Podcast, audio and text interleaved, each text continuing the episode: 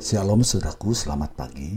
Selamat berjumpa kembali dalam acara renungan firman Tuhan pagi hari ini. Bukalah hati saudara, biar firman Tuhan hari ini boleh kembali memberkati kita. Selamat mendengarkan, Tuhan Yesus memberkati. Salam, selamat pagi Bapak Ibu Saudara yang saya kasihi dalam Tuhan Yesus Kristus.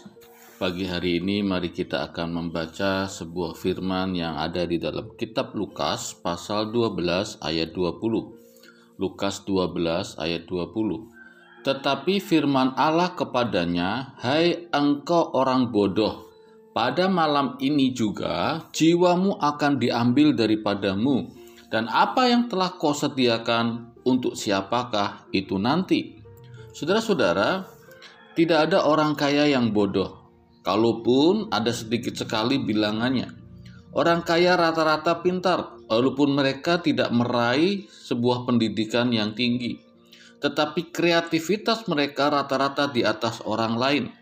Cara mereka berpikir, bertindak, dan mengambil keputusan begitu mengagumkan, saudara-saudara.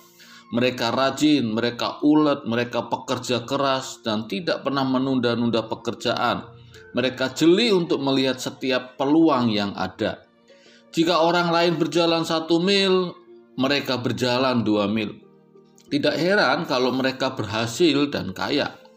Nah, namun dalam kitab Injil Lukas pasal 12 kita temui seorang kaya yang disebut bodoh.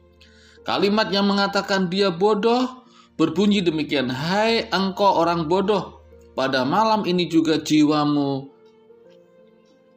akan diambil daripadamu dan apa yang telah kau sediakan untuk siapakah itu nanti.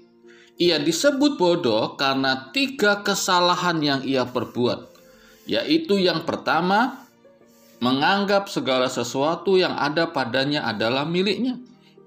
Saudara-saudara, pada saat kita menganggap segala sesuatu yang ada pada kita adalah milik kita, maka itu adalah satu kebodohan besar.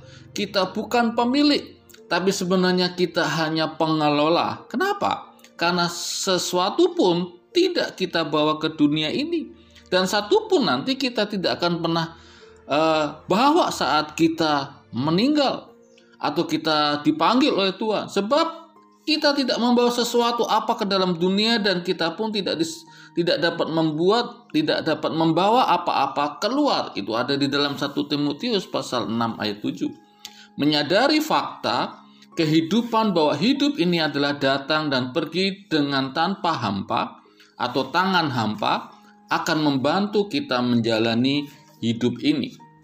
Dengan iman, pengharapan, dan kasih kepada Tuhan, kita hidup dan kita membawa terang, kita membawa satu keadaan di mana Tuhan sudah membebaskan kita dari keserakahan dan kesombongan. Apa yang ada pada kita adalah milik Tuhan. Segala yang bergerak, baik itu hidup kita, suami, istri, anak-anak, ternak, semua adalah miliknya.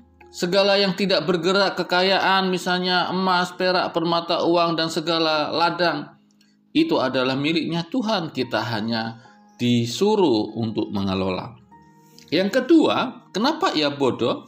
Karena ia mengutamakan kepentingan tubuhnya daripada jiwanya. Saat kita mengutamakan kepentingan tubuh dan lupa memikirkan kepentingan jiwa, maka itu adalah satu kebodohan. Orang kaya ini berkata, "Sesudah itu aku akan berkata kepada jiwaku, jiwaku ada padamu banyak barang, tertimbun untuk bertahun-tahun lamanya. Beristirahatlah, makanlah, minumlah, dan bersenang-senanglah. Lukas pasal 12 ayat 19. Oleh karena itu, saudara-saudara, jangan mengutamakan kepentingan tubuh kita.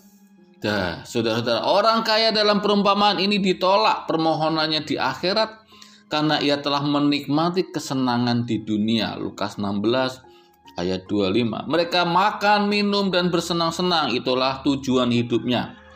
Saudara-saudara, kita harus menyimak kegiatan atau perbuatan orang kaya ini. Jangan mengutamakan kepentingan tubuh kita. Yang ketiga, kenapa ia bodoh? Karena ia menganggap hidup itu hanya di dunia saja. adalah suatu kebodohan yang besar jika kita menganggap bahwa hidup ini hanya di dunia saja. Itulah yang diungkapkan oleh orang kaya ini. Kekayaan yang ia miliki menutup mata rohaninya sehingga ia tidak dapat melihat Allah, tidak dapat melihat dirinya dan melihat hidup ini hanya untuk bersenang-senang saja. Jika ini terjadi pada kita, maka bukan saja suatu kebodohan, tetapi suatu malapetaka. Saudara-saudara, kiranya renungan firman Tuhan pagi ini mengingatkan kita supaya kita tetap fokus kepada Tuhan dan pelayanan. Terpujilah nama Tuhan. Mari kita berdoa. Tuhan Yesus kami bersyukur buat renungan firman-Mu tentang orang kaya yang bodoh. Untuk mengingatkan kepada kami supaya kami tetap fokus kepada Tuhan dan pelayanan kami. Bukan fokus fokus kepada kekayaan, bukan fokus kepada hal-hal duniawi.